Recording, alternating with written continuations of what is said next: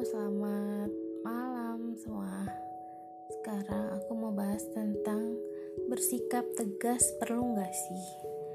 Jadi ini ya, kita dalam hidup ini kan nggak hidup sendirian, kita hidup bersama orang lain. Kalau bersama orang lain itu kita menghadapi orang macam-macam orang yang sifatnya juga macam-macam. Jadi eh, bersikap tegas itu perlu banget saat kita menghadapi orang-orang siapa pun itu.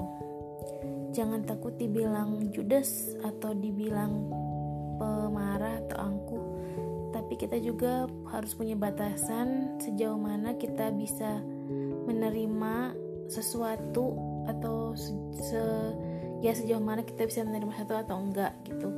Bersikap tegas itu membatasi diri kita dimanfaatkan oleh orang lain tapi sebaliknya bersikap baik juga perlu. Jadi harus seimbang sih.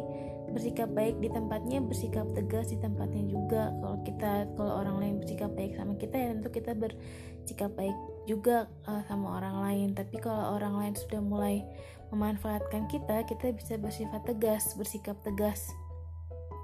Bilang kalau kita ini uh, tidak bisa dimanfaatkan dengan uh, sesuai keinginan mereka jadi bersikap tegas itu uh, nantinya akan membentuk uh, pribadi kita menjadi kuat.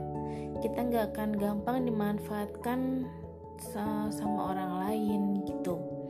Jadi kuncinya uh, untuk kita hidupnya seimbang itu bersikap tegas dan bersikap baik sama orang. Ya gitu aja.